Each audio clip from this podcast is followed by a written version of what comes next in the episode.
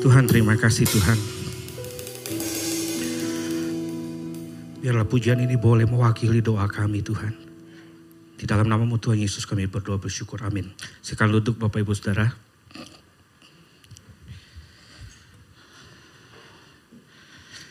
Shalom apa kabar? Bersyukur hari ini kita boleh diberikan kesempatan oleh Tuhan. Kita boleh sama-sama beribadah. Kita boleh menaikkan pujian kita, penyembahan kita. Dan kita hari ini sama-sama akan belajar satu uh, bagian firman Tuhan. Kita akan merenungkan sebuah tema Finding Grace for My Soul. Dan saya rindu kita melihat satu teks dalam perjanjian lama dari Mazmur pasal yang ke-62. Ayat yang pertama sampai dengan ayat yang ke-13. Namun ini cukup panjang teks ini jadi kita akan baca, karena tadi di kebaktian pertama saya sudah baca ayat yang pertama sampai ayat yang kelima. Kebaktian kedua saya hanya ajak kita baca ayat yang ke-6 sampai ayat yang ke-9. Kalau saudara punya versi terjemahan yang lain mungkin ada perbedaan ayat, uh, pembagian ayatnya. Tapi it's okay saudara ya, kita fokus aja kepada apa yang LAI sudah bagikan bagi kita. Mazmur pasal 62 ayat yang pertama sampai 13 kita baca ayat yang uh, ke-6 mulai dari ayat ke-6. Boleh kita baca sama-sama surat 3, 2, 1. Hanya pada Allah saja kiranya aku tenang. Sebab daripadanya lah harapanku. Hanya dialah gunung batuku dan keselamatanku. Kota bentengku aku tidak akan goyah. Pada Allah ada keselamatanku dan kemuliaanku. Gunung batu kekuatanku tempat perlindunganku ialah Allah. Percayalah kepadanya setiap waktu, hai umat, isi hatimu di hadapannya. Allah ialah tempat perlindungan kita. Amin. Saudara demikian jawab pembacaan firman Tuhan, berbahagia setiap kita membaca, merenungkan, dan melakukan kebenaran ini dalam kehidupan kita sehari-hari. Saudara, uh, saya pernah baca satu kisah uh, di sebuah tulisan saudara di website ada seorang bapak seorang pria konon katanya dia pergi ke seorang psikolog saudara ya Nah, bapak ini mengeluh karena dalam hidupnya dia merasa ada satu hal yang gak nyaman dengan dirinya. Dia rasanya kok hidup ini kayaknya dia jalani berat sekali gitu ya. Kayaknya ada ada hal yang mengganjal dalam hidupnya gitu loh. Jadi bapak ini datang ke psikolog ini dia ceritakan pergumulannya ini kepada psikolog ini. Dia bilang uh, panggil aja let's say ibu lah psikolog ini. Eh bapak lah ya karena nggak mungkin laki-laki sama ini ya. Pak, Pak psikolog, saya ini datang, saya ini bergumul nih. Setiap malam nih kalau saya mau makan rasanya kok nggak ada nafsu untuk makan gitu ya. Uh, rasanya makanan yang enak pun kayaknya hambar gitu ya. Setiap malam kalau saya mau tidur pun kok saya sulit sekali untuk tidur. Rasanya berat sekali melewati hari-hari apalagi malam. Mau tidur rasanya kalau nggak pakai obat tidur kok rasanya susah gitu ya. Coba bapak ini suruh cerita semua pergumulannya ke psikolog ini. Sampai kemudian sudah puas cerita psikolog ini kemudian merenung dan berpikir oh mungkin nih bapak ini apa jiwanya lelah. Dia butuh refreshing gitu ya. Jadi psikolog ini Sederhana aja saudara. Psikolog ini bilang begini, ya sudah kalau gitu gini. Nanti malam Bapak pergi aja nonton tuh ada komedi uh, apa komedi terkenal itu akan pentas nih malam ini. Pergi aja ke sana, nanti Bapak pasti akan mengalami joyful, sukacita. Setelah Bapak sukacita, Bapak pulang, Bapak akan mengalami restful. Bisa tenang dan tidur, bisa nyenyak katanya. Suruh pada waktu dengar psikolog ini ngomong, Bapak ini bilang, Gak efek katanya. Gak perlu. Soalnya psikolog ini dengar bilang, loh kenapa? Ini kan saran yang baik untuk Bapak. Kenapa Bapak gak mau dengar gitu ya? So dia bilang begini saudara. Pria itu jawab, karena komedi yang terkenal yang Bapak bilang itu, yang akan tampil malam ini, itu adalah saya sendiri. So kira-kira mengerti maksudnya saudara. Saudara, kisah ini tentu bukan kisah nyata. Ini sebuah kisah imajiner kisah yang dibuat-buat sama orang, saudara. Cuman saudara, kalau saudara pada waktu saya membaca ini, saya mendapatkan satu satu hal yang menarik, saudara. Satu kebenaran yang menarik bahwa ternyata dalam hidup ini tidak ada seorang pun yang tidak memiliki masalah. Dalam dunia ini tidak ada seorang pun yang tidak punya pergumulan. Setiap orang siapa pun itu dia sekalipun seorang komedian pun ternyata saudara. Yang orang yang kelihatannya selalu tersenyum, bahagia, yang kesannya kayaknya nggak ada pergumulan. Ternyata saudara mengalami pergumulan yang mungkin jauh lebih parah daripada kita-kita. Amin saudara. Saudara mungkin ingat wajah ini saudara. Siapa ini saudara? Robin Williams saudara.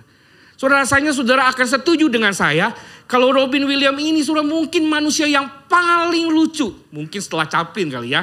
Tapi ini manusia yang paling lucu, periang dan saya sangat sekali suka so, ketika film-filmnya muncul saudara. Selalu menghibur, selalu memberikan ketenangan gitu ya. Kayaknya ini manusia paling tidak punya masalah dalam hidup. Amin. So kalau saudara lihat wajahnya Robin Williams, rasanya Robin Williams ini manusia yang paling damai sejahtera dalam hidupnya. Nggak ada beban. Tapi sudah tragis sekali sudah. Fakta menunjukkan kepada kita bahwa 11 Agustus 2014 kita dikejutkan dengan berita Robin Williams ini. Saudara pernah baca kisahnya pasti. Tiba-tiba didapatkan bahwa Robin Williams ini mengakhiri hidupnya dengan cara apa saudara? Gantung diri saudara. Seorang yang kelihatannya nggak punya beban dalam hidup ini, nggak punya masalah, selalu happy. Tapi selalu fakta menunjukkan kepada kita dia pun punya pergumulan dalam hidupnya. Saudara, ini tragis, tapi itulah faktanya. Itu sebab saudara dalam dunia ini saudara yang begitu penuh dengan tekanan dan kepenatan. Kata rest itu menjadi satu hal yang sangat penting dan sangat berharga. Betul tidak saudara? Yang namanya ketenangan jiwa, kelegaan jiwa itu menjadi suatu hal yang sangat dicari oleh banyak orang. Orang mencoba mencari dan menemukan yang namanya jiwa yang tenang itu seperti apa sih? Nah tapi celakanya saudara, sayangnya banyak kita ini terjebak dalam jalan yang salah ketika kita mencari yang namanya rest itu.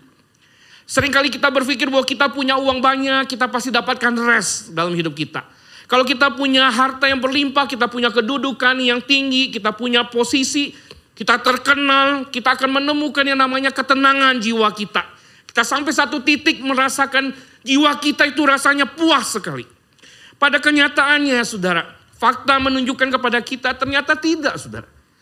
Pengejaran semua itu ternyata itu menunjukkan bahwa yang terjadi malah sebaliknya. Jiwa kita tidak menjadi lebih lega, hati kita, hidup kita pun tidak menjadi lebih tenang. Pergumulan terus menghantui kita. Yang ada apa saudara? Kekhawatiran dan ke ketakutan. So hari ini berapa banyak orang bergumul ketakutan. Takut hartanya tiba-tiba apa merosot, takut kemudian asetnya berkurang dan sebagainya, takut kedudukannya hilang, takut segala sesuatu.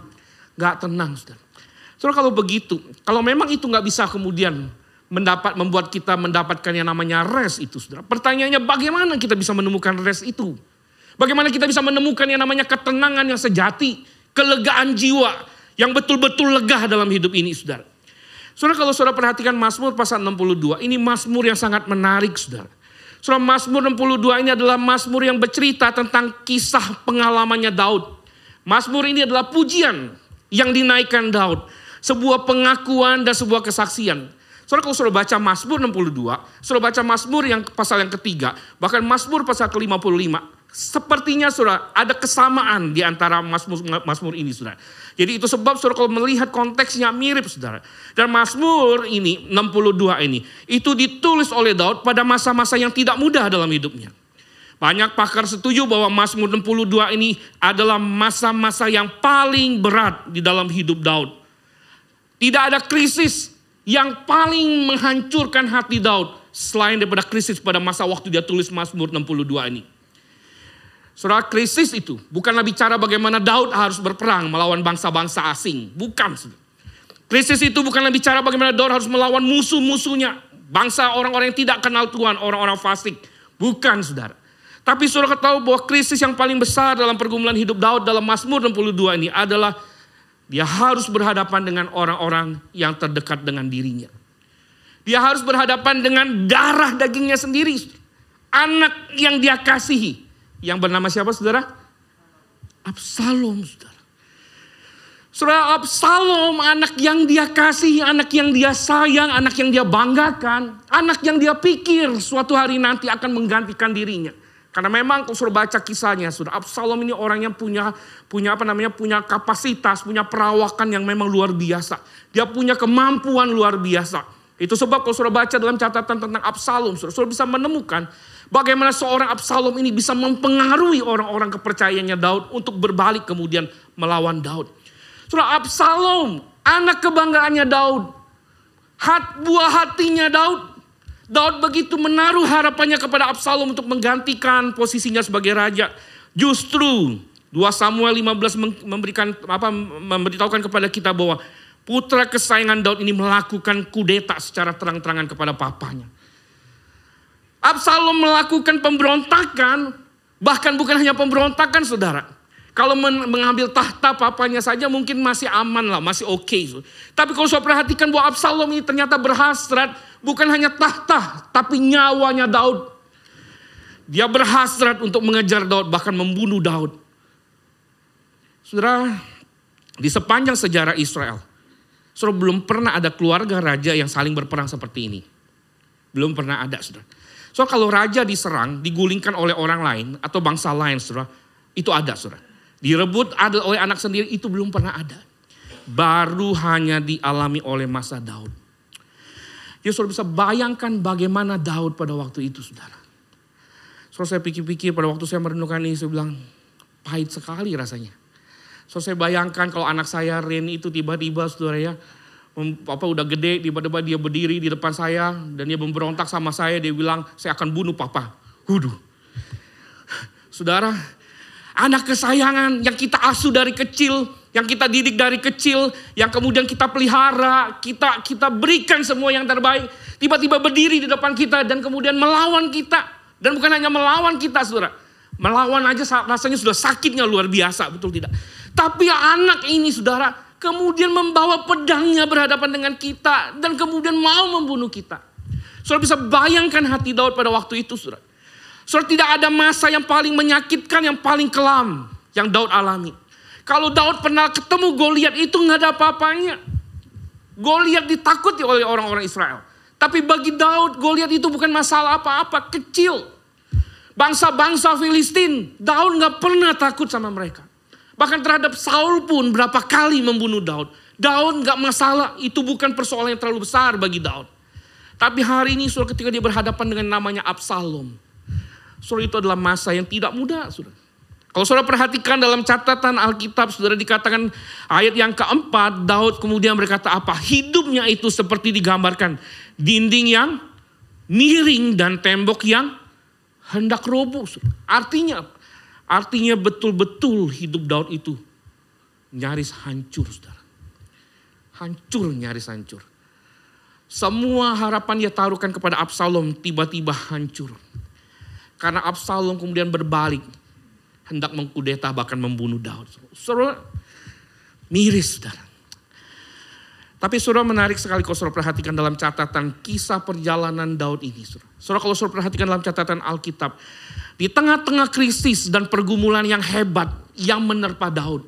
Alkitab memberitahukan kita satu hal yang sangat penting. Yaitu dikatakan bahwa Daud ternyata tetap dapat mengalami yang namanya rest ketenangan, kelegaan dalam jiwanya. Saudara mungkin tanya, kok bisa Pak Pendeta tahu dari mana? Saudara menarik saudara, Daud sendiri yang memberitahukan kepada kita. Dan itu adalah tanda yang sangat nyata bagaimana dalam pergumulan yang berat itu. Daud bisa restful. Saudara, lihat Mazmur pasal yang ketiga ayat yang keenam saudara. Saudara Daud berkata apa saudara? Kita baca sama-sama apa? Tiga, dua, satu. Aku berbaring dan tidur dengan tentram. Konteksnya sama itu. Dalam pelarian Daud, dalam ancaman dan himpitan, dikatakan oleh Daud sendiri, malam itu aku berbaring dan tidur dengan tentram. Kalau sudah baca Mazmur pasal 4 ayat 9 juga Daud ngomong lagi, dengan tentram aku tidur, aku berbaring. Surat tidur itu sering kali digambarkan sebagai kondisi orang yang restful, punya ketenangan, jiwanya punya kelegaan. Gak ada tekanan. So bukankah orang kalau punya masalah sulit tidur? Betul gak ya? Betul? Amin saudara? Saudara nggak kali ya? Saya doang. Saya kalau punya masalah, paling susah tidur, makanya saya paling sebel banget gitu ya. Kadang saya bilang sama Tuhan, Tuhan ini bagaimana Tuhan. Setiap ada tekanan rasanya tidur itu menjadi hal yang momok menakutkan. Setiap malam tiba, saudara. Saudara tidur, tidak semua orang dalam hidup ini bisa menikmati tidur. Saudara. Tidur itu mahal. Tidur itu adalah suatu hal yang sangat spesial, saudara. Jadi kalau hari ini saudara bisa tidur ber, bersyukur, saudara. Bilang sama kanan kirimu, kalau bisa tidur bersyukur. Tapi begini saudara, jangan tidur di gereja saudara. Saudara itu celaka namanya saudara. Saudara boleh tidur di rumah bersyukur. Tapi kalau saudara tidur di gereja namanya celaka saudara. Saudara tidur, Daud bisa menikmati tidurnya. Daud bisa menikmati pembaringannya. Dikatakan dia dengan tenang, dengan tentram, dia nggak mikirin apa-apa. Dia seakan-akan tidak membayangkan bahwa Absalom sedang dalam perjalanan mengejar dirinya. Enggak saudara. Dia nggak pikirin tahtanya akan direbut. Seakan-akan semua itu tiba-tiba hilang. Saya membayangkan seperti anak saya yang suka tidur di pangkuan saya saudara. Kadang saya bilang ini anak yang nggak mikir ya. Bapaknya setengah mati gitu ya. Bapaknya pusing mikirin gimana sekolahin ini anak. Gimana masa depan ini anak. Anak saya tidur-tidur aja.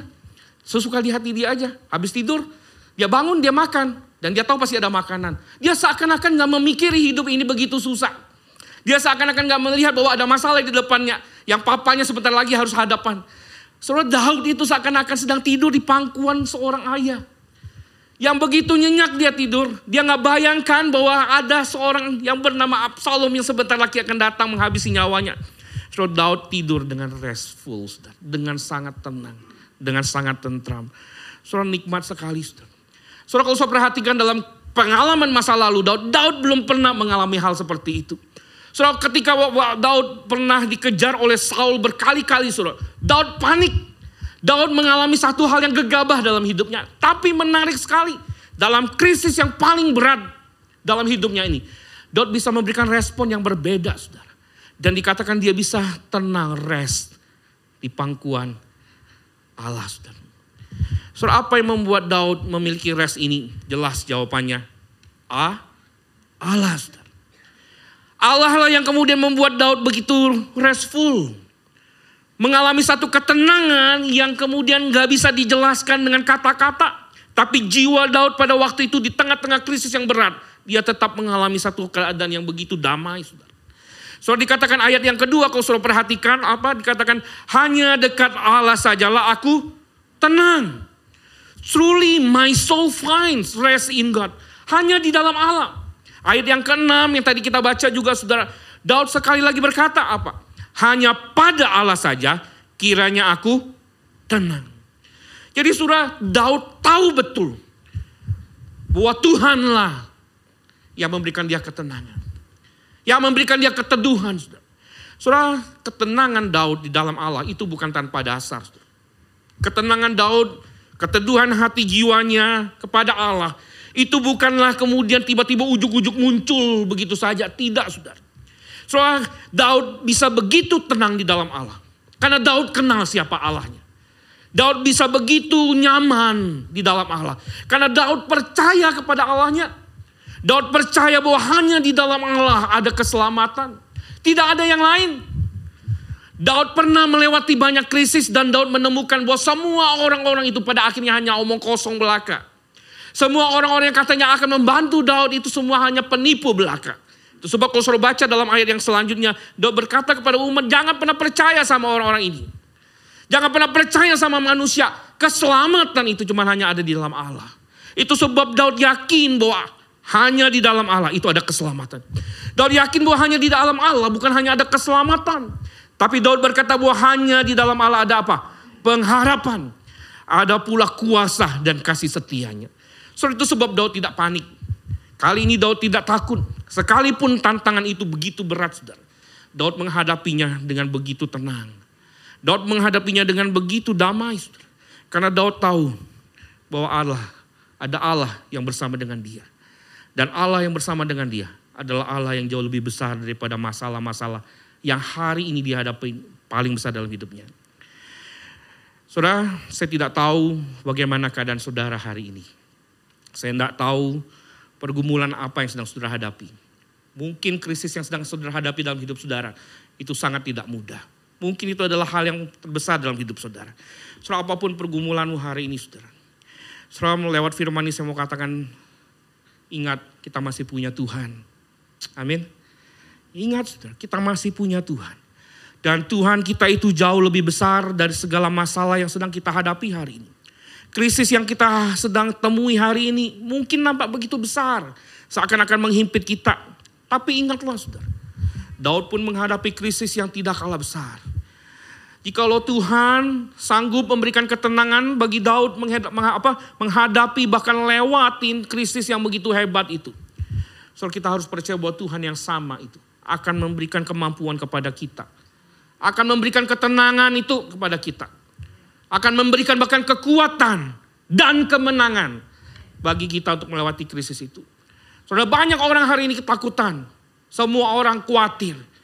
Seperti yang di katakan oleh WL. Ada orang berpikir ke depan bagaimana. Kita semua cemas. Kita semua mungkin panik melihat keadaan apa yang akan terjadi di depan. Tapi saudara ingatlah, apa pun masalah kita di depan, sebesar apa pun itu, kita masih punya Tuhan yang jauh lebih besar yang bisa mengatasi segala sesuatunya. Amin. Saudara itulah yang menjadi dasarnya Daud. Itulah yang menjadi kemudian kekuatannya Daud. Imannya Daud. Bahwa Daud tahu Betul Absalom itu musuh yang sangat besar yang pernah dia akan hadapi saudara. Tapi dia tahu dia punya Tuhan yang jauh lebih besar daripada segala sesuatu. Saudara Daud bingung bagaimana ngatasin ini Absalom. Mau dibunuh ya anak sendiri. Betul tidak? Mau dibiarkan dia mati juga, mati apa? Mati apa, akan dibunuh gitu. Jadi pilihan Daud tidak mudah. Tapi dalam ketidakmudahan itu Daud cuma datang sama Tuhan. Tuhan tolong take care Tuhan tolong bereskan. Saudara menarik sekali kalau saudara baca kisahnya saudara. Saudara Daud tidak perlu turun tangan untuk menyelesaikan masalahnya. Absalom mati karena apa saudara? Karena kesalahannya dia sendiri saudara. Daud nggak perlu turun tangan untuk kemudian mengotori tangannya dengan darah anaknya. Tapi Tuhan yang kemudian mendekatkan keadilan bagi Daud. Saudara, Tuhan sanggup bekerja dalam hidup saudara dan saya juga. Apa pun masalahmu, apa pun krisismu, saudara.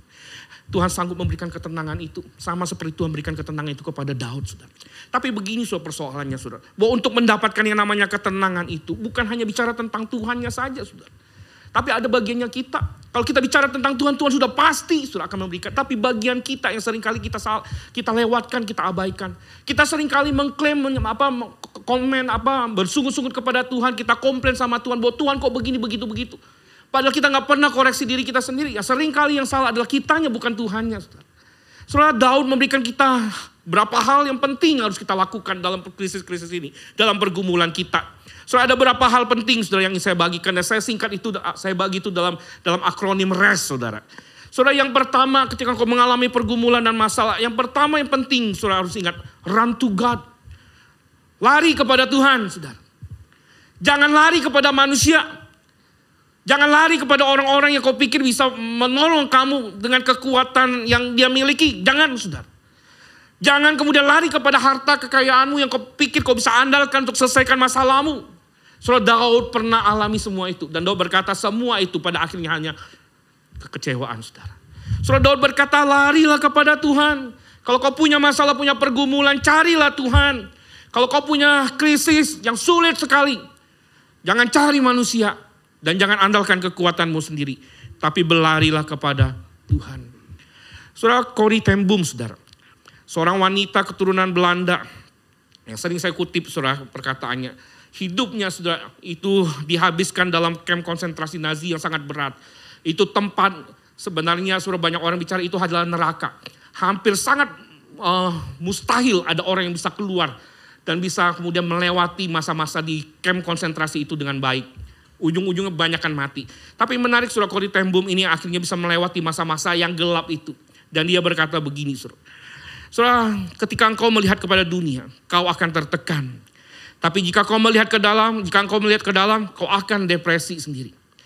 Jika engkau melihat kepada Tuhan, engkau akan apa saudara?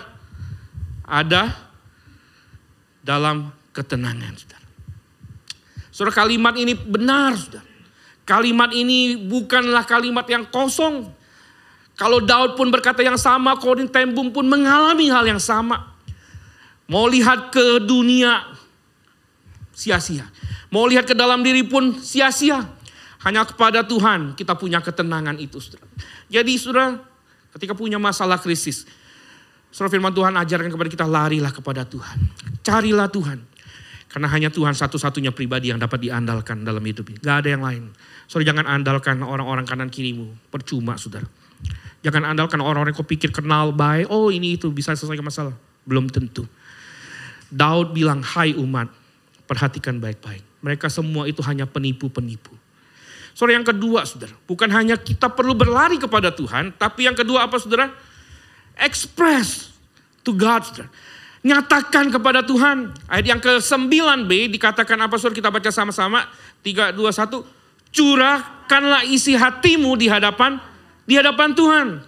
Allah ialah tempat perlindungan kita. Nyatakan semua pergumulan kita kepada Tuhan. Saudara, sayangnya fenomena hari ini saya menemukan ada banyak orang itu kalau ada masalah atau pergumulan curhatnya kepada saudara. Kepada saudara. Halo? Heh, Kok ada yang jawab? Ke sosmed. Ke medsos, media sosial apa pun itu. Facebook, apalagi. Twitter, Instagram, TikTok. Betul atau betul? Coba lihat kanan kirinya. Tanya, kamu curhatnya di di medsos bukan?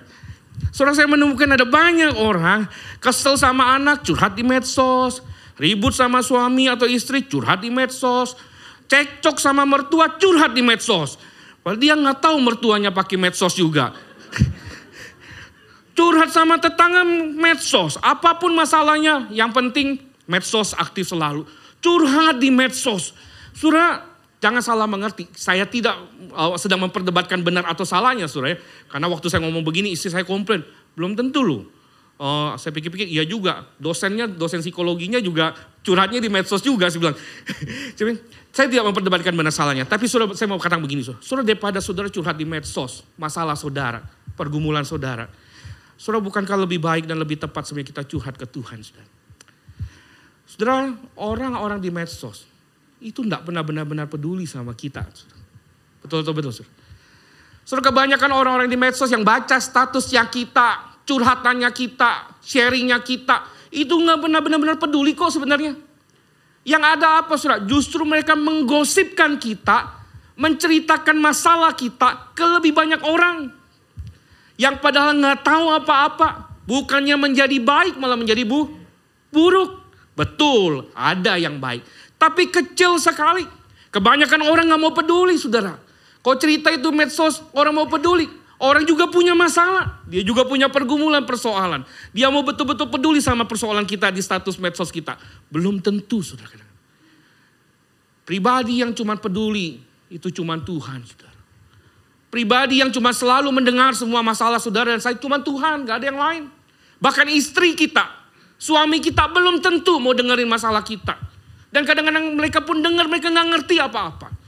Tapi Tuhan selalu siapkan telinganya untuk kita. Jadi sudah hari ini kalau ada masalah, ada pergumulan, jangan curhat di medsos. Kalau mau curhat di medsos, apa medsos curhat aja tempat-tempat kuliner yang enak ya, kayak Cisofi gitu ya, nah, nggak apa-apa. So. Tapi kalau kau punya masalah pergumulan, curhatlah kepada Tuhan. Yang ketiga suruh doa, doa uh, apa hajar kepada kita. Yang pertama bukan hanya saudara kita perlu datang sama Tuhan, kita yang kedua bukan hanya kita perlu mengutarakannya itu kepada Tuhan, tapi yang ketiga kita apa saudara? Serahkan sama Tuhan. Apa saudara? Katakan sama-sama 3, 2, 1. Serahkan sama Tuhan. Submit to God. So sering kali kita datang, kita cerita, kita tetap pegang. Dan kita senang menggenggam. Kita selalu rasanya menggenggam itu tuh haknya kita saudara. Dan itulah kebodohannya kita. Makanya sering kali kita banyak banyak orang komplain begini. Apa Tuhan Tuhan itu? Saya sudah ceritakan sama Tuhan, Tuhan nggak tolong saya. Bukan Tuhan nggak tolong kadang-kadang. Tapi kitanya yang masih keras kepala menggenggam. Berkali-kali Tuhan bilang apa? Se serahkan segala khawatirmu. Berkali-kali Tuhan bilang serahkan hidupmu padaku. Aku akan memelihara engkau. Tapi sering kali kita nggak pernah mau. Kita merasa bahwa kita kayaknya sanggup untuk melakukannya. Saya tidak tahu soal pernah dengar kisah ini atau tidak. Saudara satu kali ada seorang pengemudi truk, saudara dikatakan sedang berjalan ke satu tempat. Soal pengemudi pada waktu dalam perjalanan dia lihat ada lelaki tua sedang sedang menggotong uh, apa sebuah, sebuah beban. Entah itu mungkin jualannya atau apa, tapi nampak begitu berat. Saudara merasa kasihan pengemudi truk ini kemudian samperin, berhenti dan ngomong, "Pak, mau nggak ikut saya ikut saya aja, kita uh, apa saya anterin ke tujuannya. Kita punya tujuan yang sama kayaknya." Wah, saudara lelaki tua ini senang sekali. Dia bilang, "Oke, okay, saya terima." Saudara dia naik. Uh, karena di depan itu ada udah nggak bisa tempat, ada kernetnya, dia pindah ke belakang sudah. Jadi di belakang dia naik dan berjalan, nah singkat cerita sudah. Sudah selang berapa menit dalam perjalanan pengemudi truk ini ngontol, mau ngontrol ke belakang, dia lirik dari, dari kaca spionnya. Dia lihat kenapa nih lelaki tua ini aneh gitu ya. Harusnya kan tinggal duduk aja tapi dia kayaknya kok oleng-oleng gitu ya. Dan dilihat di pundaknya itu masih ada papan kayu yang untuk dia pegang gitu saudara. Saudara kemudian pengemudi ini berhenti dan kemudian tanya, Pak Kenapa Bapak tidak mau letakkan saja itu semua pikulan Bapak dan Bapak duduk dengan tenang sampai tujuan? Saudara pada waktu saudara dengar kisah ini dan saudara lihat lelaki tua ini, saudara saudara pikiran lelaki tuanya apa saudara? Halo? Pinter atau BODOH? Halo? Berhikmat atau tidak berhikmat saudara? Saudara tahu nggak lelaki tua itu siapa? Kok sudah tahu jawabannya sih? Tanya kanan kirinya lelaki tua itu kita kan. So, sering kali saudara, kita ketawa lihat lelaki tua ini. Kita pikir ini lelaki tua bodoh. Padahal lelaki tua itu adalah kita yang bodoh. Tuhan bilang serahkan segala khawatirmu. Aku akan pelihara kamu. Tapi kita sering kali genggam terus. Kita bawa untuk diri kita sendiri. Kita pikirin sendiri. Tuhan bilang udah jangan pikirin. Udah itu urusannya aku. Tuhan bilang apa? Hari esok itu kan ada urusannya sendiri. Hari ini udah serahkan. Besok itu urusannya aku. Aku yang take care. Tuhan bilang serahkan, saudara. Serahkan aja, saudara. Kan Tuhan minta serahkan. Bagian kita cuma Tuhan minta yang terakhir, saudara. Yang keempat. Apa, saudara? Trust in God. Percaya sama Tuhan. Bagiannya Tuhan, Tuhan minta. Kita serahkan, serahkan aja sama Tuhan. Dia akan pelihara bagiannya kita, bukan ngurusin yang sudah kita serahkan. Bagiannya kita itu apa saudara? Percaya kepada Tuhan saudara. Percaya mudah nggak? Mungkin nggak mudah. Sekalipun kita belum melihat apa-apa. Sekalipun seakan kita masih berjalan dalam lorong yang gelap. Tetapi firman Tuhan katakan, tetaplah percaya. Surah ini yang menjadi dasar penting. Mazmur 62 ini adalah mazmur tentang percaya. Apa yang membuat Daud bisa kuat? Apa yang membuat Daud bisa restful? Percaya. Saudara mungkin bilang klise, no. Gak ada jalan keluar dalam hidup ini. Selain saudara dan saya percaya sama Tuhan. Hanya itu kunci satu-satunya saudara. Hanya itu jalan keluar dalam setiap krisis hidup kita. Siapa kita yang bisa mengatasi segala persoalan hidup ini? Nggak ada, saudara. Saudara saya nggak cukup kuat. Kita terbatas dan kita rapuh. Kita butuh pribadi yang lebih kuat dari kita. Dan pribadi itu hanya Tuhan. Itu sebab Daud hari ini menulis Mazmur 62 ini mengingatkan bukan hanya orang-orang Israel. Tapi saudara saya hari ini yang kita sedang mengalami pergumulan yang gak mudah. Saudara mungkin bergumul dengan keadaan bisnismu. Saudara mungkin bergumul dengan keadaan keluargamu, relasi. Saudara mungkin punya mimpi yang saudara sampai hari ini belum temukan jawaban atas mimpi itu. Saudara apa pun itu saudara. Jawabannya tetaplah percaya sama Tuhan. Saudara saya suka dengan Charles Spurgeon saudara. Saudara perkataan Spurgeon ini memberikan remah dalam diri saya saudara. Dan sampai hari ini saya belajar percaya sama Tuhan. Dan saya tidak pernah mau meragukan Tuhan. So, Spurgeon menuliskan kalimat yang sangat menarik saudara. Kita baca sama-sama saudara. God is too wise to be unkind. God is too good to be unkind. And when you can trust his hand, you can always trust his hand. Tuhan itu terlalu baik untuk menjadi tidak baik. Dia terlalu bijaksana untuk berbuat sebuah kesalahan. Kalau hari ini kita nggak bisa trace pekerjaan tangan Tuhan, percaya hatinya, saudara. Saudara tahu hatinya Tuhan kayak gimana, saudara? Dosen saya tuh bilang begini, saudara. Tuhan itu terlalu tergila-gila sama kita, saudara. Saudara saya selalu suka kata-kata ini. Tuhan itu terlalu sayang sama saudara saya. Gak mungkin Tuhan kasih yang buruk. Amin. Gak mungkin saudara. Kalau anaknya yang tunggal, Tuhan kasih. Kalau anaknya satu-satunya yang dia sayang, dia kasih untuk saudara dan saya. Untuk supaya kita tidak mengalami yang namanya kematian yang kekal. Masakan untuk krisis yang sedang kita hadapi hari ini, Tuhan gak take care. Betul? Gak mungkin. Gak mungkin. Daud bisa melewatinya bersama dengan Tuhan. Itu artinya saudara, kita pun bisa melewatinya bersama dengan Tuhan. Selama kita mau percaya sama Tuhan. Selama kita ambil waktu teduh sejenak di hadapan Tuhan.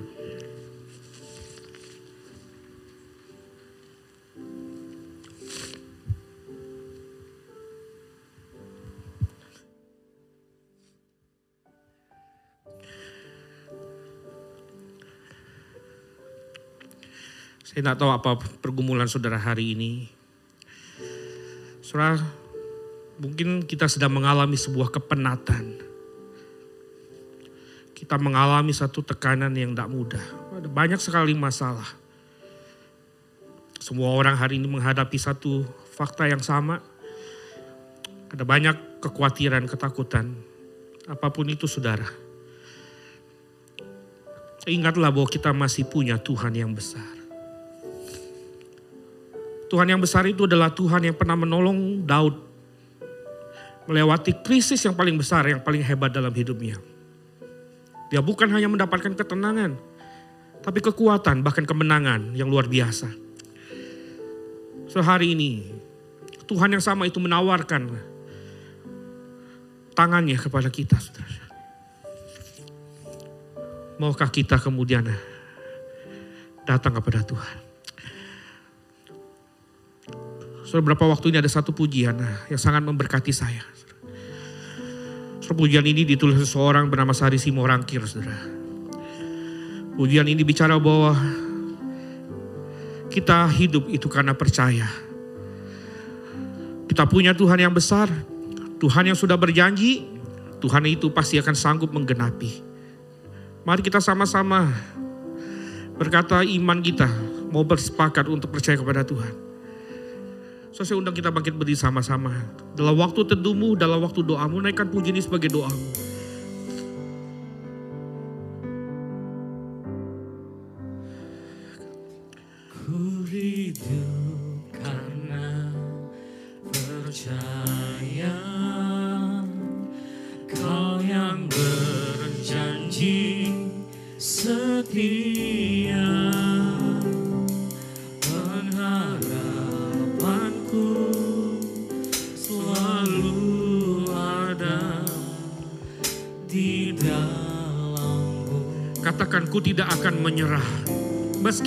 Meski dalam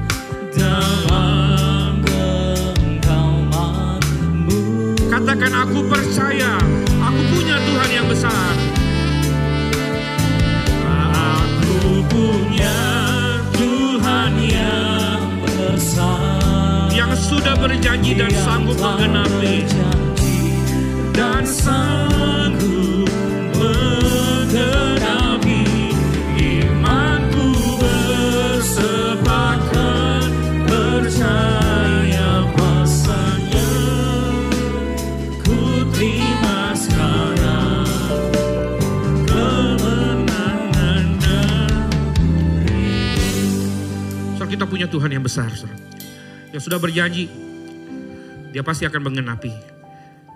Saudara pujian ini mungkin asing dan teksnya mungkin tidak ada. Tapi saya mau ajak kita referennya saja. Saudara liriknya sederhana. Katakan aku punya Tuhan yang besar yang telah berjanji dan sanggup menggenapi. Imanku bersepakat percaya kuasanya. Ku terima sekarang kemenangan darimu. Mari kita sama-sama naikkan ini sebagai doa kita. Katakan,